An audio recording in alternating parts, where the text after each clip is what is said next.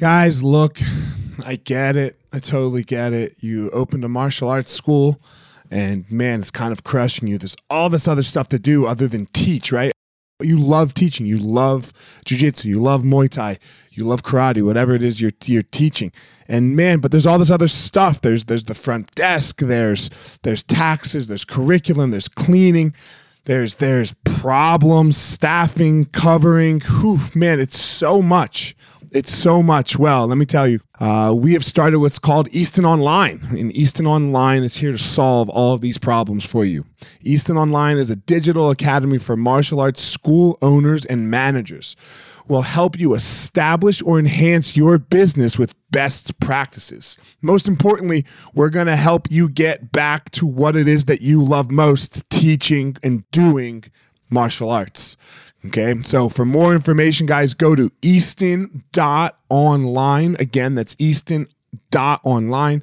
Add your email. You're going to get notified about the course launches. Our first course is going to be all about the first impression specialists, your front desk, and all kinds of stuff, special offers, promotions, as well as we started a podcast by the same name, Easton Online, that's gonna talk about our process of how how we went from a tiny little martial arts school to what is now seven martial arts schools, seven Brazilian Jiu Jitsu Muay Thai schools, um, in a very holistic way that we believe um, kept the integrity of the art and also deals with its people very well. So again, Easton.online, enter your email and you're gonna get all you're gonna get everything you need right there. So thanks, guys.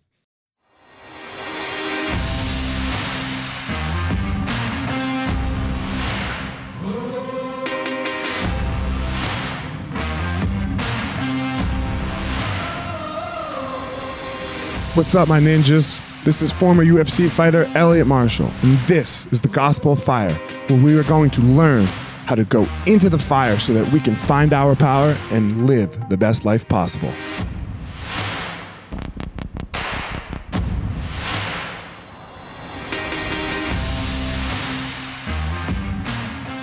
Guys, what's going on? This episode is with Tim Credeur. Tim Credeur, former UFC fighter, Brazilian Jiu Jitsu black belt. Um, and man, what made me like, uh, I've always wanted to get Tim on, but what made me reach out to him was uh, I was watching just I was scrolling Facebook like an idiot, and uh, he was doing a live, and I really liked what he had to say just about how you know my truth isn't your truth, and people we can have differences and still and still get along, and it, just his whole his whole message was really great. So um, it was in the middle of Corona. It was uh, so uh, yeah, here we go. The man, uh, owner of Gladiators United and or Gladiators MMA, uh, Tim Credeur. Yeah, what up, Tim? How are you, man? I'm great, bro. Thanks for having me. I really appreciate it, and uh, I'm excited to hopefully get somewhat controversial today.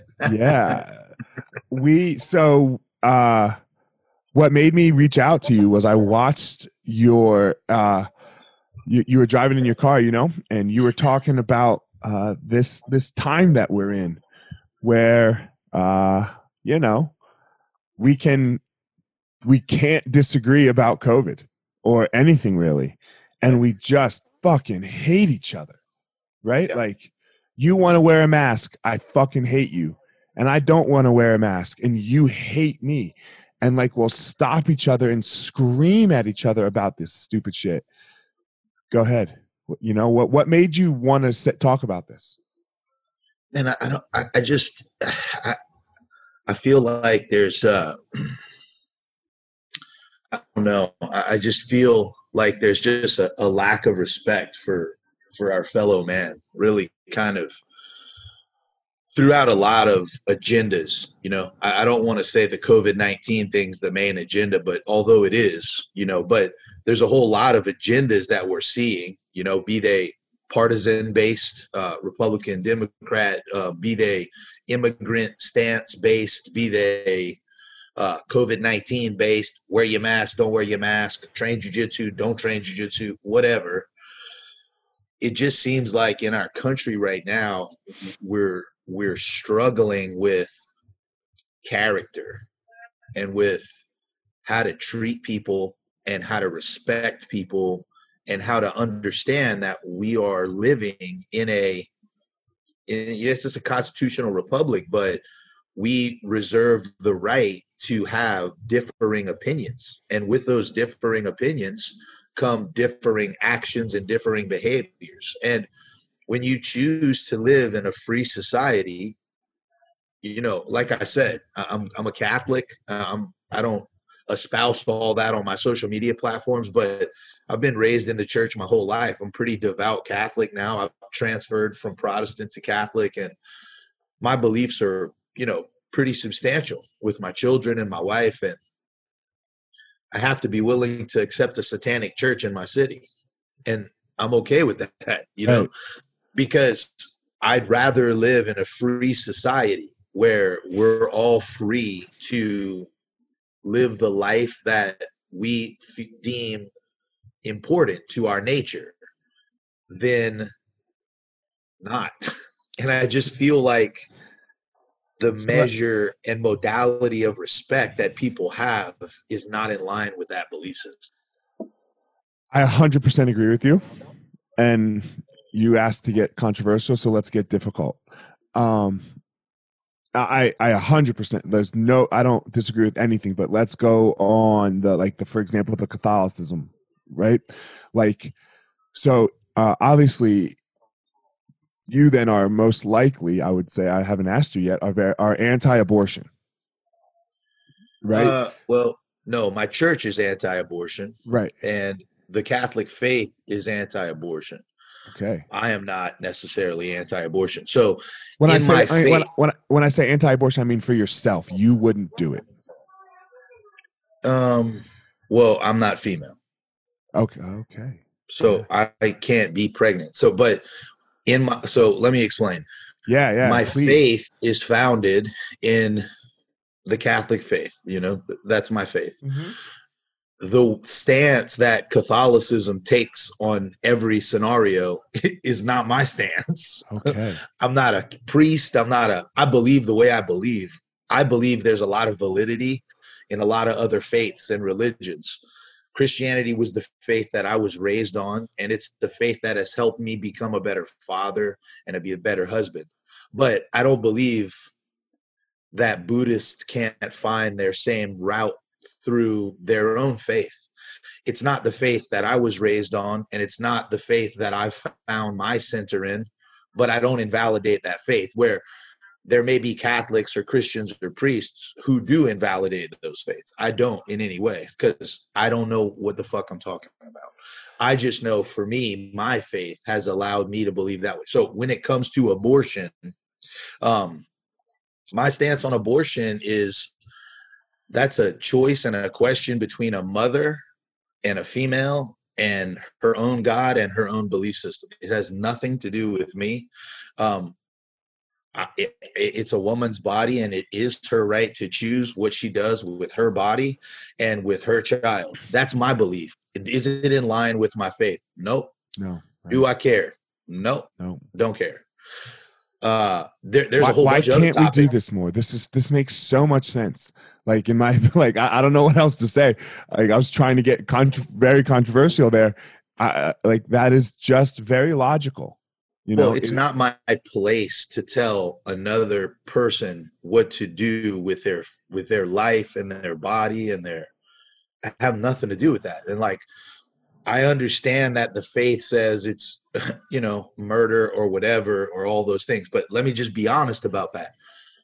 I'm not a doctor. I don't know what the fuck they're talking about. I teach jujitsu, right. dude. Right. I don't know. I have no idea. I'm not. I don't know everything. I just know the faith that I believe in works for me. And there's a whole bunch of things about my faith that are horrific. Like hor- my, my faith has misbehaved more than any other country or entity or nation probably in history. Uh, that doesn't change the history of my faith and my belief in um, the God of of my faith. That doesn't change that. That i believe that the men who have created the laws of catholicism are men and with that comes lots of the things we see today. Comes problems because we're we're flawed. Major right? problems. Yeah. I don't know where to go with this because God, that I like. I, I wish that was everything. Like I, I wish that I wish that was everyone's. And we're talking about religion now. It just makes so much sense. Why? Why? Why can't it just be for you? Like, it, like it, it. You know, jujitsu's for us, right? Like jujitsu's for us. Like I Not have for everyone. You know i have found my way through jiu-jitsu like through my adult life you know and um, probably i should say martial arts is for me because i started when i was six and it's been part of my life since i was six years old. Look man some people like to play the fucking piano. Right? Great. great. And and the and music has been their way. Why why on some of these really sticky sticky topics religion politics uh racism things like that you know do we get so like we won't move like you, you like you know like you saw what happened with Flo- uh, greg floyd right the cop the you know there's going to be people saying right like there's no fucking way that's not murder No way. Like you can't do knee on the neck on a man for however long and think he's gonna survive. I know. I, I teach people how to do knee on neck. Right. I mean, yeah cyborg knee on neck me one time in Miami. I was like, Jesus Christ, that lasted like six seconds. You know? Yeah it's over it's done on. So, it's game it's checkmate right and if you do it for But- 10 minutes you kill the person but realistically, I think that some of that falls in line with obviously i think there's some racism there there's some uh there's some overbearance in terms of power there with the situation but and this isn't to this isn't uh uh removing blame from the police officer but i also think the police officer's extremely uneducated like I don't Yeah. think that police officer was trying to kill that man. I don't think his intention was let me kill this guy because who would want to do that? Like there's no way he foresaw what's happening right now as what was going to happen and I don't think as a person he wanted to get back in his car in an hour and be like I just murdered somebody kneeing on his neck. yeah So there's I no way yeah go ahead It's absolutely like a lack of education, a lack of training, a lack of understanding, even what he's doing. But there's also a forbearance of power and a belief system that I don't have to respect this dude and I don't care. And I don't respect life. I don't respect um, this creature. I don't have any regard for them. I don't have any empathy or compassion. And I feel like, obviously, that's an extreme case, but Right. we're seeing that all over the place. Like if you watch, if you look at Facebook or Instagram, dude, the only social media, well, maybe not the only, but one of the only social medias that's devoid of this is, uh, I guess TikTok. You know, it's pretty much just soccer moms like that's you know, it's all it's all it is. My friends are like, dude, TikTok, you can get leads on TikTok. I'm like, what what do- What? what what do you want? What I'm I'm not doing none of that shit. you know, uh, I, I like some Instagram. I, I do some Instagram every once in a while. You know, Not, I shouldn't even say every once in a while. I use Instagram. I really don't like Facebook. Yeah, You know, I mean, really I don't, like, like any of Facebook. them. I don't like mm-hmm. none of them. There's nothing likable about them. But in the industry we're in, I We to. utilize them as a Right. method to hopefully communicate a better message. Now, I think there's a difference between the utilization of tools and the consumption of those tools. Me as a human, I don't really consume that much. I try not to consume, I mean, I consume a minimal amount of social media. You know, my Instagram is organic. I post stuff about my kids and my family. I feel like as a jujitsu instructor, or not not even as a jujitsu instructor, but as a man and as a person trying to make a difference in the world, I should shine some light on stories or instances that I think are positive and that I think are within the interest of the well-being of people. And you know, my sport and jujitsu, and I do that the consumption of such, I don't care. don't care. Yeah. I don't. I'm not consuming it at all. I post stuff and then I'm pretty much done. If you look, like I don't even comment on people's con. Like I don't even know what's going on. I just post content. I am a content creator. I'm a marketer, so I create content, but I don't consume much of people's stuff. Do you think this has to do with the divide? Because I know, like, uh, like for example, like I have I have a friend who's who's very far right, you know, um, and when we talk in person, it doesn't go too terribly, you know, like like, but o- over the here, uh, actually, I'm gonna back up with this. Uh, text text communication can just be so difficult.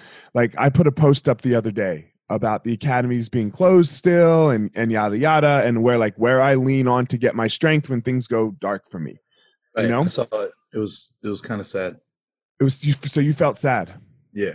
Okay, so I didn't mean for it to be sad. I meant for it to be enlightening, and it was. And I'm I mean, about it was 70, 30. enlightening. It, it was enlightening, but it was also like in sadness. I mean, that's the state of jujitsu. Right. Oh, okay. we at. Right, we're at. It sucks, yeah. But I, Yeah. I, I got, I got a lot of messages. I'm so sorry. Are you okay? Like, and I was like, man, this is. I- Suicide checks. yeah, yeah. And I was like, yeah, I'm fine. Like, like, I'm okay, Like, dude. yeah, I'm No good. cutting my wrist. I'm fine. Yeah. I'm Like. I'm- like, did you miss the last sentence that I'm gonna make it through? We're gonna make it through, and we're gonna be, we're gonna be fine, right? Like, Sure. but, Sure. but you know, like somehow that happens. So I'm not blaming those people, right? But there's something about text that we grasp onto a word or a phrase, and then we go, oh shit, and, and it triggers us in some way. You know, yeah. and I don't know what it the, is. writ- the written word is always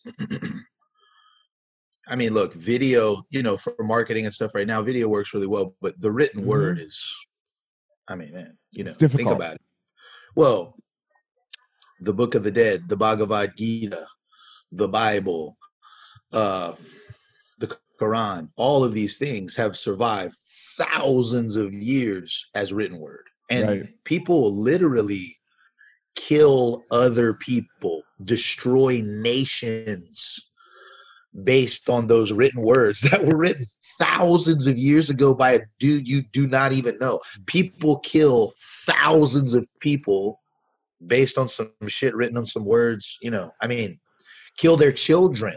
Right. You know what I'm saying? Like Right. that is a real thing. And so yeah, that's a good point.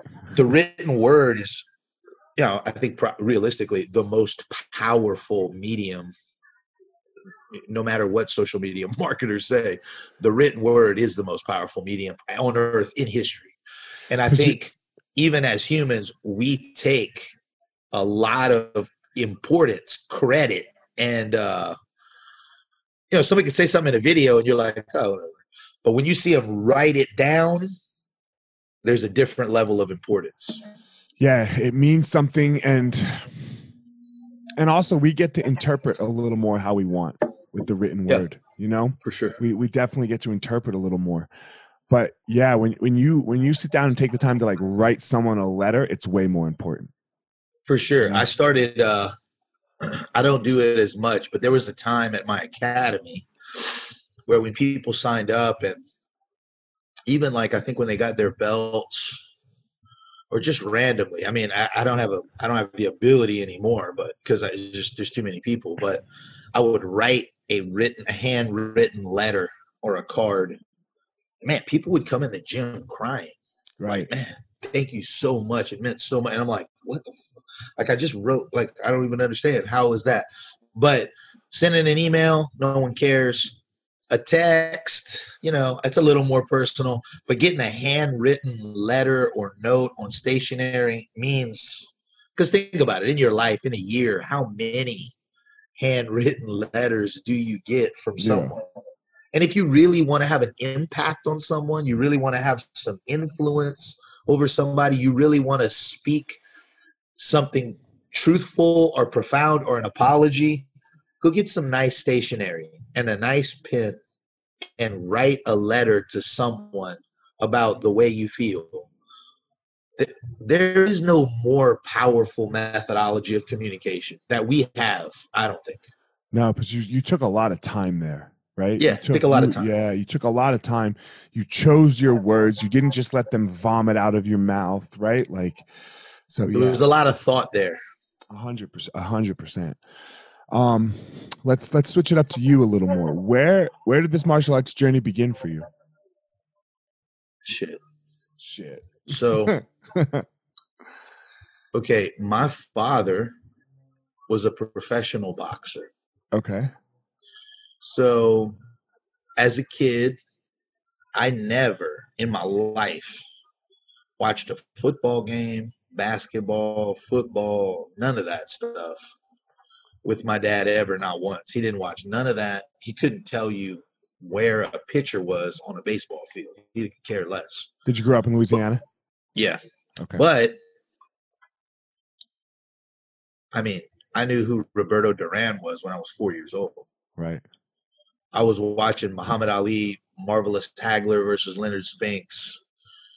I mean, I, I Muhammad Ali. I mean, I watched all Muhammad Ali's fights, and I watched Mike Tyson by the time he's 18 years old. We watched every single fight.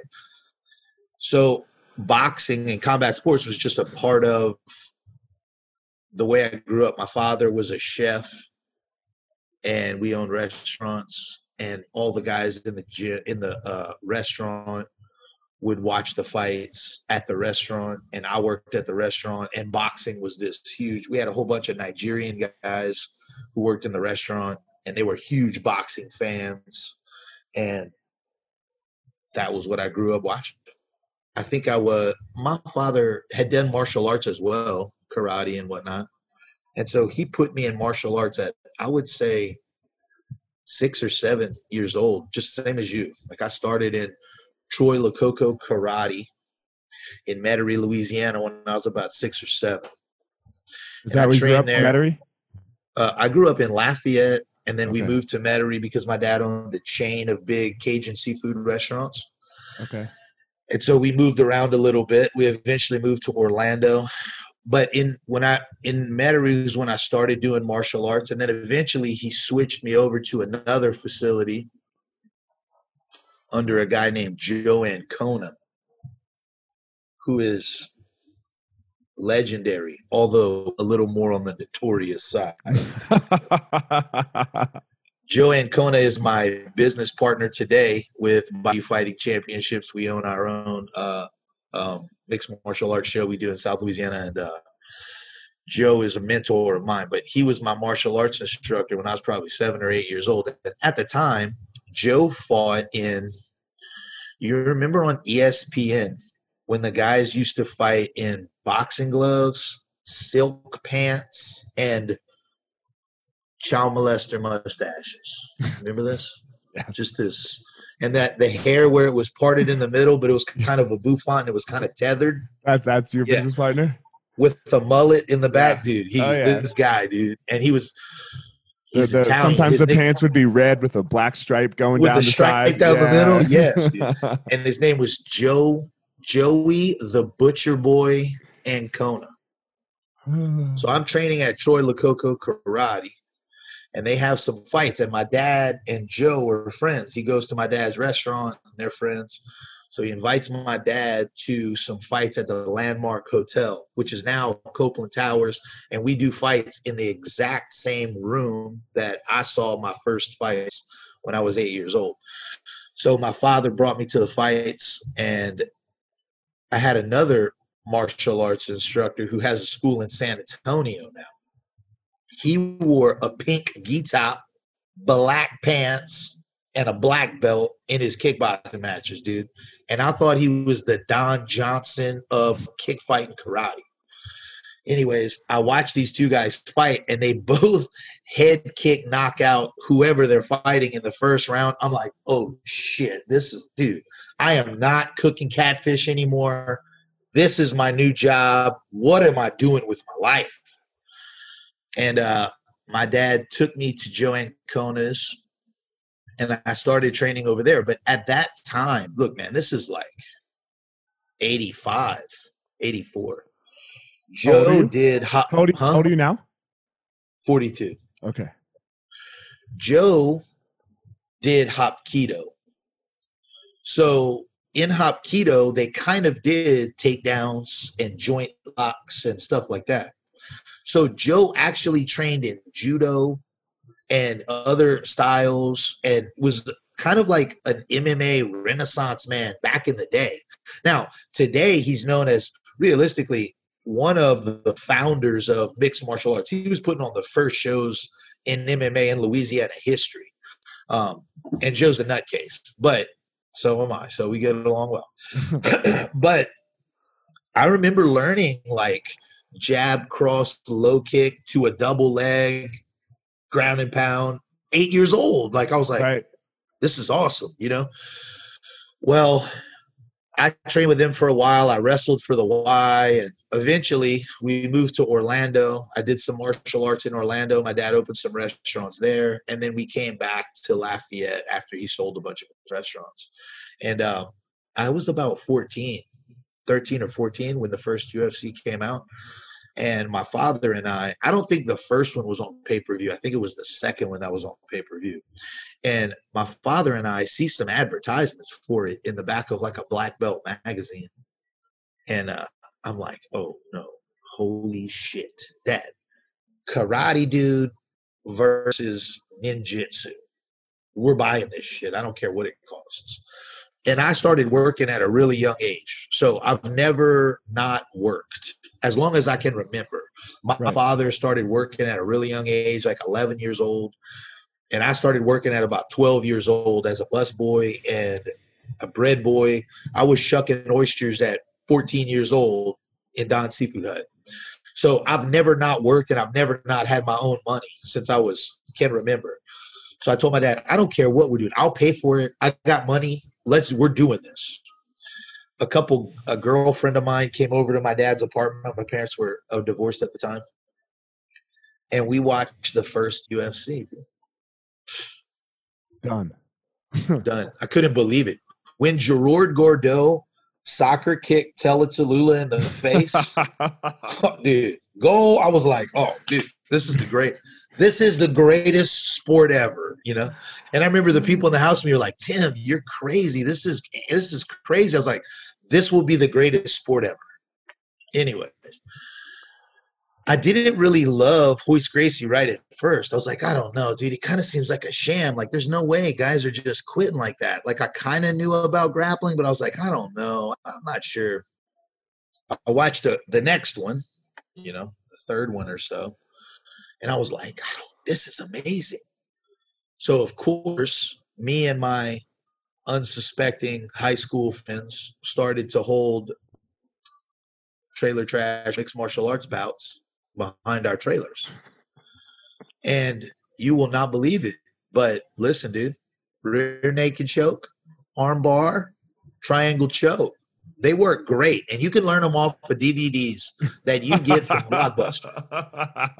Dude, I, I, mean DVD, VHS. I would put the VHS in, and I'd rewind it over and over and over and over to figure out what did he do with his hands, what is this lay on your back stuff he's doing, how do I wrap my hands around people's neck? And I would do it to my friends, and they were like, dude, you're like a ninja. And I was like, oh, this jujitsu's amazing. So that's when I really became fascinated with jujitsu. I think the first guy to ever come out with DVD uh, VHSs, I bought them, was Craig Kukuk. Yep, him and Renzo. Yeah, him and Renzo came out with these, and it was VHSs. And, and I ordered them out of the out of the back of a black i think it was a black belt magazine or something yeah it was it was the early 90s when they came out yeah early to mid 90s when those vhs's got to my house that's all you did dude i became a third stripe blue belt in about 30 days i was just i was going hard I couldn't. I thought Craig Kukuk was the greatest American alive. I thought. I thought he could beat Chuck Norris and uh, that was really the beginning when I really started watching VHSs, and I was like, man. And look, dude, still today, today, still today, dude, I'm a, I'm a jujitsu rat. I, G, BJJ Fanatics just sent me a face mask and they said you're one of our top five percent customers. I'm like, I bet you, I know I am. I watch Dude. all that shit. I, I'm watching everybody's shit. I love it, Dude, but I'm a fan. yeah, that's they said that that our age group is the number one sellers. Like it's not young kids, you No. know? Yeah. No. Because young kids are broke. They can't they can't buy it, right? They try to it's fucking not just steal that they're broke. You know, they don't have the discipline. Right. You know, you're not gonna sit down and watch. I mean, come on, dude. John Danaher's videos are 16 hours. It's like being in a physics lecture. You got to be really dedicated to jujitsu to watch that dude talk about guard retention for 16 mm-hmm. fucking hours. You need to be serious, dude. And the fucked up So- part about him, right, is you have to watch them twice if you want to teach it, right? You can't Yeah. just watch it once. Like I No. have to watch it the first time through, and then the second time through, I sit here with my phone and I video it and take like little notes of it and write what it is so that like I can then go study. It's I do the same thing. yeah, it's I'll it's like a watch it. yeah, I watch it, then I watch it and I review and I take notes. But then what I do is I kind of I kind of take his concepts or theories or whoever's right, and I kind of attach them to a lot of the things I already know. Or right, I try to improve some of the things I know. And sometimes I see people do stuff and I'm like, eh, I don't agree with that. I like this better, you know? Yeah. So I, look, I'm just a study. I'm a nerd. I'm a studier. Mm-hmm. As weird as mm-hmm. I am, I have two college degrees. I'm not, I'm a pretty smart guy. I love to study. I read books. I'm a voracious reader. My children are. And I'm a studier. That's a methodology I utilize to learn. But I've been learning jujitsu via video forever. since 1992, 1993. Like from the beginning, I've been learning jujitsu. And so it's a modality that works really well for me. But, anyways, I started training. There was nowhere, I think it was 94. I was looking for where can I go to a jujitsu school, you know? And there was nowhere. I mean, there was like uh, the Gracie Academy in Torrance, and there was Renzo in some gym or something in uh, New York. That was kind of it. And I really couldn't figure out any way to get to New York City. That was just I couldn't figure out, and I didn't really want to go to New York City if I'm being honest. So kind of like now. hey, look, let me just be honest though. Last year, my wife and I took a trip to New York. Just her and I. We have three small children, so uh-huh. getting a trip away is you know rare. But we took uh four or five days. We went to New York City. And we didn't have any plans. We just walked around and we eat like we're foodies, you know. I'm a um my father's a chef. So Right. I don't gamble. Uh, I don't really do drugs. I don't drink that much. I don't really have any vices. But um, we went eat at some Michelin star restaurants. Right. That's kind of what her, how her and I spend time. We love it. We watch food, restaurants, movies. So New York was amazing when we went there. So if you're watching this from New York, New York is awesome. Just Look, not I right, love New York, just not right now. just not I, right I now. I fucking love New York, bro. right. I can't wait One to go my- back. Just not right black now. belts is there and he lives him and his girlfriend are there she's i think getting her doctorate at nyu and they live in her dad's apartment right across from central park Okay. and he's like tim i haven't left our apartment in nine weeks dude i'm gonna kill myself i'm about to jump out the window it's just her and i and she's doing online classes and we're in a closet for nine weeks and we're just watching like ambulance it's terrible dude Yeah, man, because like they're you're up in this high rise apartment, right? And if you want to get to the street, you have to like not socially distant, well, like with 150 Impossible. people, right? Like just to get down to the street. So It's impossible. I feel bad. New York, Yeah. we love you. You'll come back. Yeah, yeah. Well, and I and so and so will we, right? I'll go back. I can't wait We'll to go come back, You know, Uh, so I agree with you on the food stuff, though, bro. Like, so I've cut out most most expenses in my life right now, like like that are unnecessary, right? Like, I, I, don't do anything, but I'm not I'm not giving up one meal a day. One meal a day is going to be fucking bomb.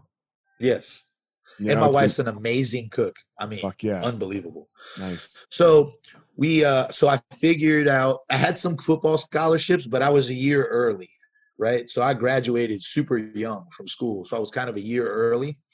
So I had some scholarships to play football, but they were at some real small schools like Delta State, Millsaps. Uh, I had a 50% scholarship to Texas Christian, but they weren't like schools that if I'd had another year, man, you know, If you would have been could've- 18, 19 rather than have played 17, somewhere 18. good, right. I was probably 16 my senior year. Uh, so I figured out that, and my, my family was going through a divorce. I love my parents, but uh, let's just say this growing up was not a healthy environment. My parents are, they're wonderful people, but together they were psychopaths. They're both psychopaths in their own special way, but together, cataclysmic. Perfect storm. So they were going through a divorce. I had two little sisters, and I just wanted to get out of there. So I figured out that if I joined the military, I could get my college paid for because I went to a pretty good private school. I had some scholarships to play football at a good private school, and I did really well in school. So I could get some about 40 grand from the military if I did some time in the military and put myself through college. And I wouldn't have to deal with my parents' craziness or none of that. I could get the hell out of here. And when looking at the military services, I figured out if I joined the Navy, I could probably get California pretty easy, some kind of way.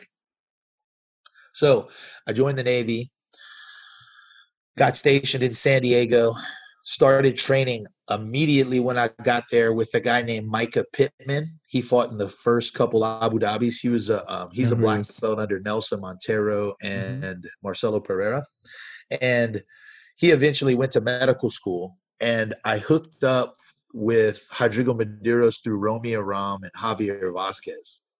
And Rodrigo was in Los Angeles at the time, and he was running the Carlson Gracie Los Angeles Academy in La Habra. And it was pretty much uh, a house in a Mexican ghetto that they had gutted and built a two by four frame and put some shaved tires in and pulled a piece of vinyl over.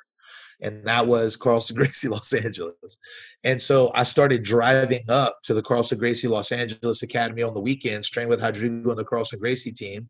And this is probably like 97. And uh, then I would uh, train in San Diego with Micah and them. And everybody was pretty cool with it, even though like jujitsu was kind of different back then. It- Yeah. People don't understand. Like today, jujitsu's been infected with this jujitsu for everyone, love one another, we're all a team. And that was not that was not how jiu-jitsu was when I started.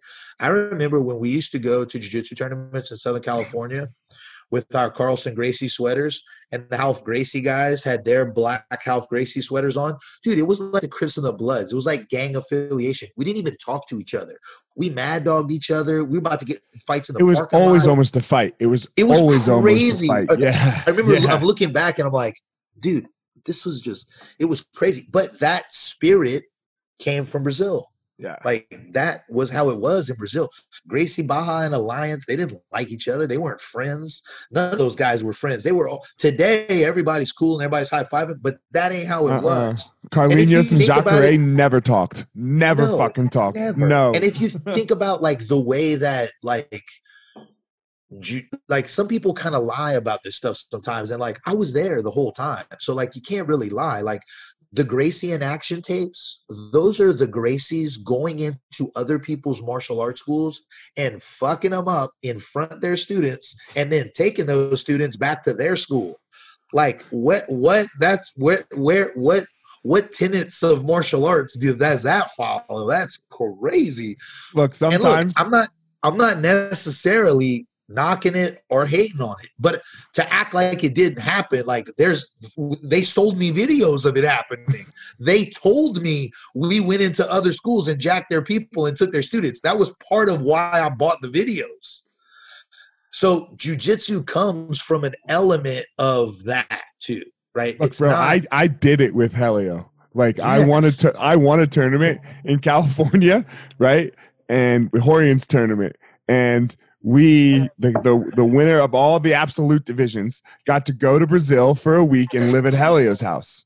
You Oh, know? wow. It was amazing. And it was uh, up in the mountain, you know? So we were Oh, you somewhere went to the mountain house. I went to the mountain house, homie. It was Wow. legit, you know. And then and then Rorion would take us all over Rio to all the like Hoilers, Gracie Barra. This is my first experience in Brazil.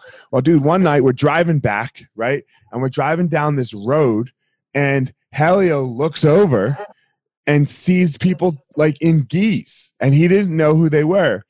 Dude, that motherfucker put a hard stop on the brake, turned that bus around, and he was like, okay, like, and he only speaks Portuguese, and he's talking to his grandsons, you know, because they're black. It's Ryron and Rener at the time, and he's like, and he's like telling them how this is all going to go down, and they're like talking to us in English, like, you guys are going to come in here, and we're gonna, you guys will stay behind. Like, we fucking dojo stormed a fucking dojo in Brazil that Helio didn't know, and they ended up being cool. Like, nothing went down.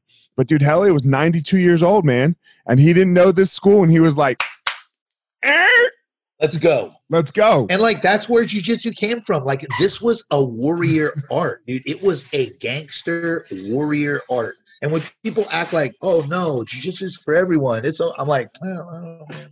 It is You now. read some history books. It is now, but it, it didn't start that was way. not how it was. No, Right. we couldn't. That's not true. We did have a female who trained at Carlson Gracie Los Angeles. Her name was Shuggy, and I think she still trains. But other than Shuggy, we couldn't pay a female to come in that facility. And it wasn't just because they didn't want to do jujitsu. The place was so dirty. The bathroom was dirty. No one gave a shit. We had ringworm on our face. Our gis smelled like trash. We were just monsters. Like we were maniacs. It was a different world. You know, Yeah. Uh, my wife walked in there. My wife and I have been together 21 years, but she came in at one point, came to Los Angeles to visit me, and I was like, "Oh, you got, we're gonna go stop at the academy." We stopped. She was like, "Where the fuck are we, dude? Get me the fuck out of here!" I'm like, "This is the academy." She's like, "No, it's not. This is a gutted house in the Mexican ghetto. This is not an academy, Timmy. Let's go." Mm. I'm like, "No, dude, all my partners are here." She's like, "Who? Those cholos with guns?" I was like, "Yeah, that's my friends. They're my training partners." That's Fred Nunez. What you talk about? Dude, the, the, the same thing the first I mean, so not with my wife, but I mean, so Amal's Gracie Barra, like my teacher's Gracie Barra, right? Like that's where he came up. And all and like, dude, like you just hear like mythical stories about Gracie Barra, you know? And on this same trip, my first time to Brazil, dude, we go to Gracie Barra and I'm ready for like fucking Mecca, right? Like fucking Mecca. Bro, the roof was tinned. You know, it was like a it, it- like the roof was Some like a dirty little puzzle roof mats. This Yeah. disgusting and you I've couldn't use the bathroom every bathroom the toilet was filled with shit right It's like just filled with it and you're like i just want to pee like where do you pee? And they're like outside. no you know? And i'm like You don't. dude this is the greatest jiu-jitsu school in the world huh? Like because at the time gracie barra was light, light years ahead of everybody winning the competitions right? Like i was like this this is it? This is where everyone comes from? Yeah. you fucking kidding me? When we went to the Carlson Gracie Academy in Copacabana, you know, we had heard about that school all Right. our lives. Like the Copacabana Carlson Gracie Academy was the command. We went there and I'm like, holy shit, someone call the cops. This place get me the is fuck a out of here nightmare. yeah But we've all paid to have it refurbished and redone. As the IBJJF has Right. paid to have uh, Gracie Barra refurbished and redone and and to have jiu-jitsu for everyone for everyone. Forever. You know, for everyone. Like, through COVID 19, we got stations. Yeah. So I started training with Rodrigo, and I was fighting when I was in the military. I was fighting in, in MMA fights, but they were super ghetto. We had fights kind of in Mexico, and uh, we would fight in these in the at the bullfighting place. They had put a boxing ring on Friday nights, and they would just it, it was pretty amateur, you know. I mean, I fought some guys who were drunk. Um, I fought some guys in Vans tennis shoes. I definitely fought some guys wearing jeans. But the sport, and when people hear, they're like, "Oh my God, how could y'all do that?" Well, it wasn't even a sport, dude. It was like 1996, 1997. Like no one even knew what we were doing. It was just on the off day for Mexican wrestling. Mexican wrestling was on Saturday or Friday, and we could do MMA fights in the same ring on Saturday. And the way it worked is we showed up. There'd be like 20 dudes. 80% of them were in the military. There was probably three guys that actually trained there, and they would match us up based on if we looked about the same size, and you would fight. And if you won, you got 50 bucks, and you got you got three tickets to these all you can drink clubs in TJ called People's Club A and some other club. That's what you want. One time I beat up a Mexican wrestler. I felt so bad. I didn't know he didn't know we, what we were doing. He was just there for the wrestling on Friday, and he had like taken a bus Oh. from nowhere land. dude, he fought me in an MMA match in a match in a mask, and he came out like was jumping around like Ric Flair. Like a Dude, I luchador. blasted him. After it was over, I was like, man, I'm so sorry. He's like, man, you didn't do no wrestling moves. We didn't even talk before. He was talking to me in broken English. I was like, wrestling. This is K- MMA. He was like, I don't know. I only Oh, get shit. paid. I only get paid fifteen dollars to wrestle. But they said if I won my match, I got fifty dollars for this. I just didn't know it was real. well, I got a W in twenty seconds. It was terrible. But that's when man, you I didn't do no wrestling moves, man. What are you doing? You didn't do any wrestling moves. He said, he said, he kept saying, we didn't even talk before. talk about what? Talk about what? Talk about what moves we were gonna use. It was terrible. But I gave him my 50 bucks. And I asked him if he wanted the drink tickets. He said, I can't afford to get drunk. I'll take those, don't worry. And Oh, uh, fuck. anyways, I kept on competing. When I moved to Los Angeles after I got out of the military, I uh, taught at Carlson Gracie Los Angeles, and I trained a lot there. And you know, I just kept fighting sporadically. I mean, I fought, but it was harder to get fights back then. It was just Sure. a different time.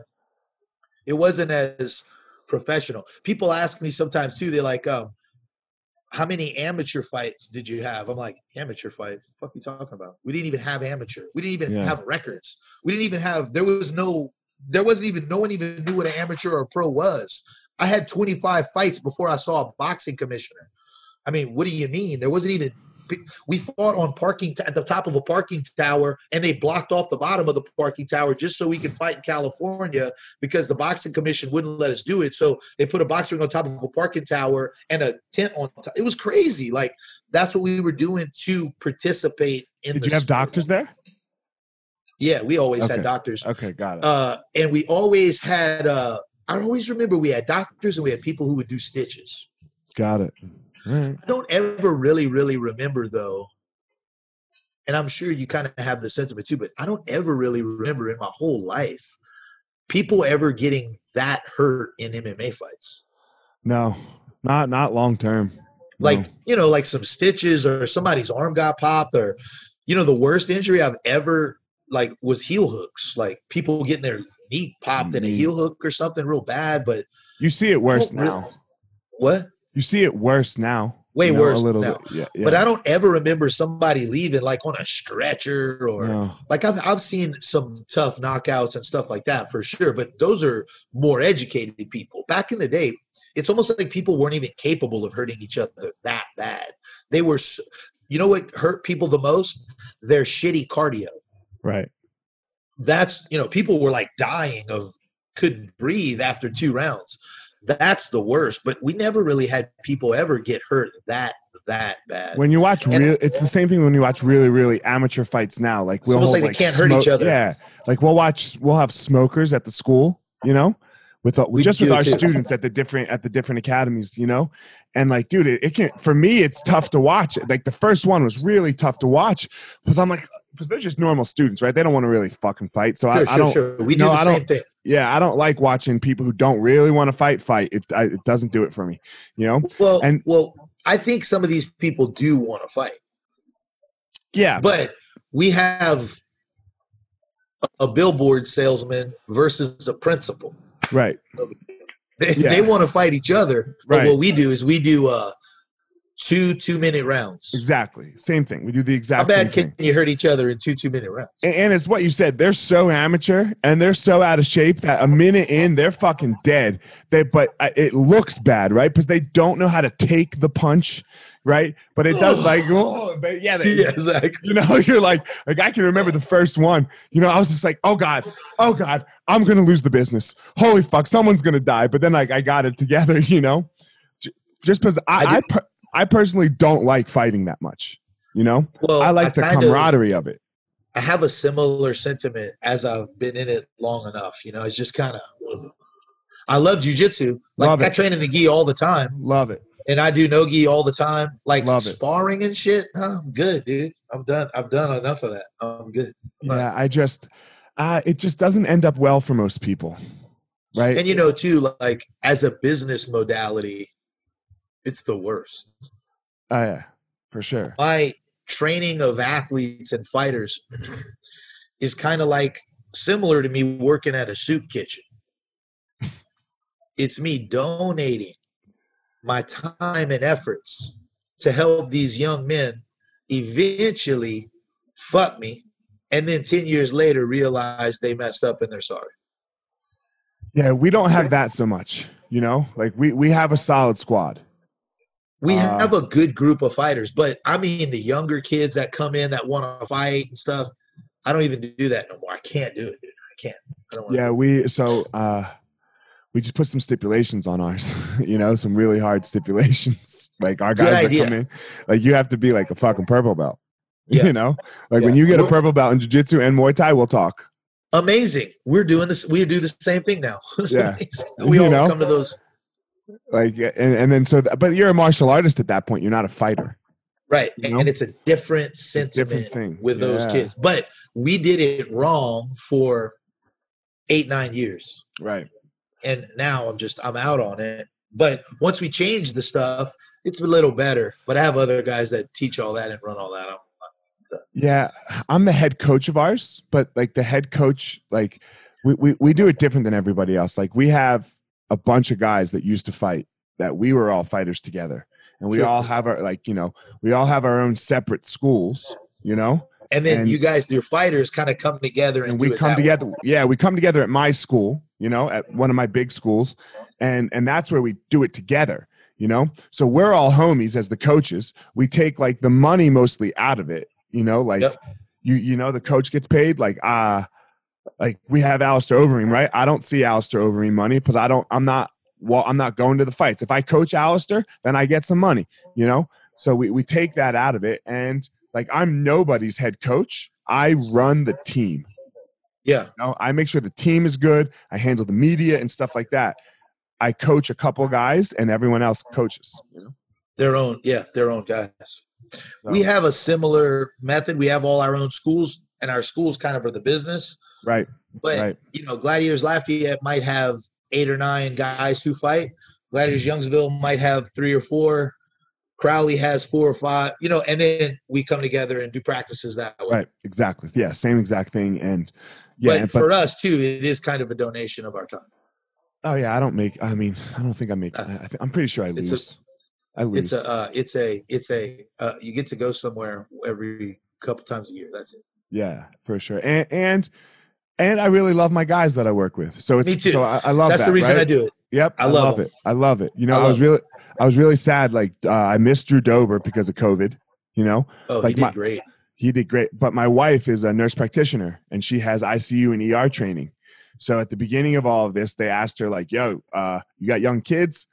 You're probably going to get sick." Like before we really knew anything, you know, uh, you're probably going to get sick. So someone's got to be able to take care of your kids because yeah, no one's no one's going to come to your house to take care of your kids, right? So Right, I so had had to to- like, what's that? You had to do it. You, I had you were well, she took care of the kids. She never got sick, but I couldn't commit to going anywhere, right? just because in just in Yeah. case, you know. But that's so. If I was really sad, I didn't get to go with Dober, but I'm stoked that that got lifted, and I do get to go with Corey. So because like you know, it's like going to fucking war. I hate fighting, but I love going to war with the guys because we're a team. Hey, Yeah, you're a team. Dober looked great. Uh, Dustin really good. Poirier and Dober almost fought as amateurs. Oh, really? Back when Drew was in Nebraska, he was like a highly touted Yeah, yeah, 55 yeah. or 45 Yeah, yeah, yeah. and uh, him and Dustin almost fought as amateurs. I look back, I'm like, dude, Poirier's looking. Yeah, Yeah, Poirier. Poirier. Who, who's he getting next? Do you know? Dan Hooker, Oh, that's right. I just saw that. It's a good fight. Yeah, it's a good fight. June, yeah, June 20th. June twentieth. Got it. Yep. So, Yep. word. All right, man. And so I that's appreciate. all- go- That's it. That's, That's, it. how I, did it. I just been doing it my whole life, same as you. Yeah. And now here we are. Two old Yeah. dudes sitting on a fucking podcast together, hoping our schools make it through COVID. so what's going on with your school? Uh, I think we're gonna get to open soon. You know, uh, I want to say a couple weeks. You know, where We- we We opened. we opened against the We law or or not against No, the no. law. Yeah, they they let us. No, Okay. they let us. So we're doing like social distancing. We do a couple different classes. We do a you're by yourself class. Right. but then we do what we call partnered pairs. So somebody that you have been quarantined with, or right. a family member. We have a lot of dads and their sons and husbands and wives and girlfriends and people who are friends who are roommates who live together now because jiu-jitsu. You know how jiu-jitsu is. Right, Dudes like yeah. we migrate to each other. Yep.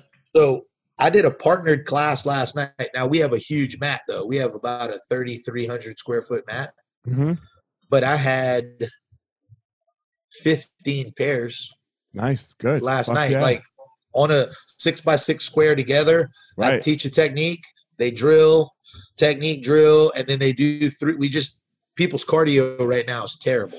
We're gonna have to be very careful of that, right? We've we, we've been talking about that. Like everyone wants to come back and get right back to it, right? No one's taken this much time off No. before ever since they started. So you got this is like coming off an injury for everyone. Like after the second three minute round, people are like, "Oh my goodness!" Oh my god, I'm like, yeah. "I told you, man. Yeah. Relax." We do three three minute rounds. People are like, "I'm done." And these are guys who were doing sit, uh, 10 sixes before. Right. Right. So yeah, it's, different. Uh MMA is a little different too. We're doing stations, so it's a little weird. But I'll tell you, it's crazy. We've had more people call the facility and try to book appointments than ever before. new people or Yeah, yeah, really? like just nonstop. Like every, I've never gotten so many people calling and leads and like it's crazy. Never, ever. We're, see- we're seeing that the unhealthy are very at risk here, right? right. So people want so to. kids and adults and people and so that's a weird thing to kind of deal with because then how do we bring these new people in and where do their parents go and how do we talk to them it's just right. It's a struggle but hey there's hope there there's light at the end of the tunnel As long as there's light, man. You know, as long as we can see it, we're good. You know. there is Um, there is. I, I feel bad. I you know I feel bad for people. You know, but in the same time, like the the, the complaining does get to me. You know, like like it, it really does get to me. Like, look, this is just what we're in. Like, there's nothing we deal with like, it Deal with it. Yeah, deal with it. You know. there's nothing you can do you can't control it No, like I said at the end of that post, with uh, you know, like I never heard my grandparents complain once about the Holocaust. They and they hated went way worse stuff Yeah, they hated my grandfather was in world war ii he was in france for four months Did he complain? all his friends dying he never said nothing Never said nothing. Sad, sad about his friends dying. Different things, right? But never like I can't. You know, none, none of that. None of that bullshit. You know. we're So watching netflix calm down yeah, calm. The, there, there's food. We have TV. Right. we have government assistance We yep. have- our i mean our on. kids are not dying. Right. For the most part. You know. So We're we need to calm down. We'll get. You'll get through it. You'll get through it by shutting the fuck up and figuring out what to do. That's right. You know. You're right. So I agree. 100%. all right, man. Thanks for coming on. Hey, Gospel of Fire, man. I appreciate it. Have a great day. Tell everyone where to reach you, bro. I will. Uh, you can reach me at Tim at Gladiators LA or on Instagram at, at Tim Credeur. Thanks for having me, brother. I'll see Yeah, you man. soon. Everybody be soon. safe.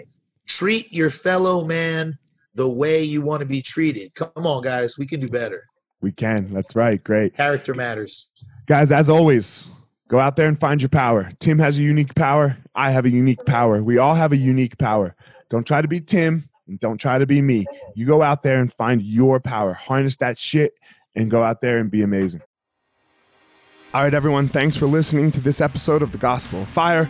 If you enjoyed the episode, I'd love a review on iTunes or wherever you are listening to this podcast. Don't forget to follow me on social media at Fire Marshal 205.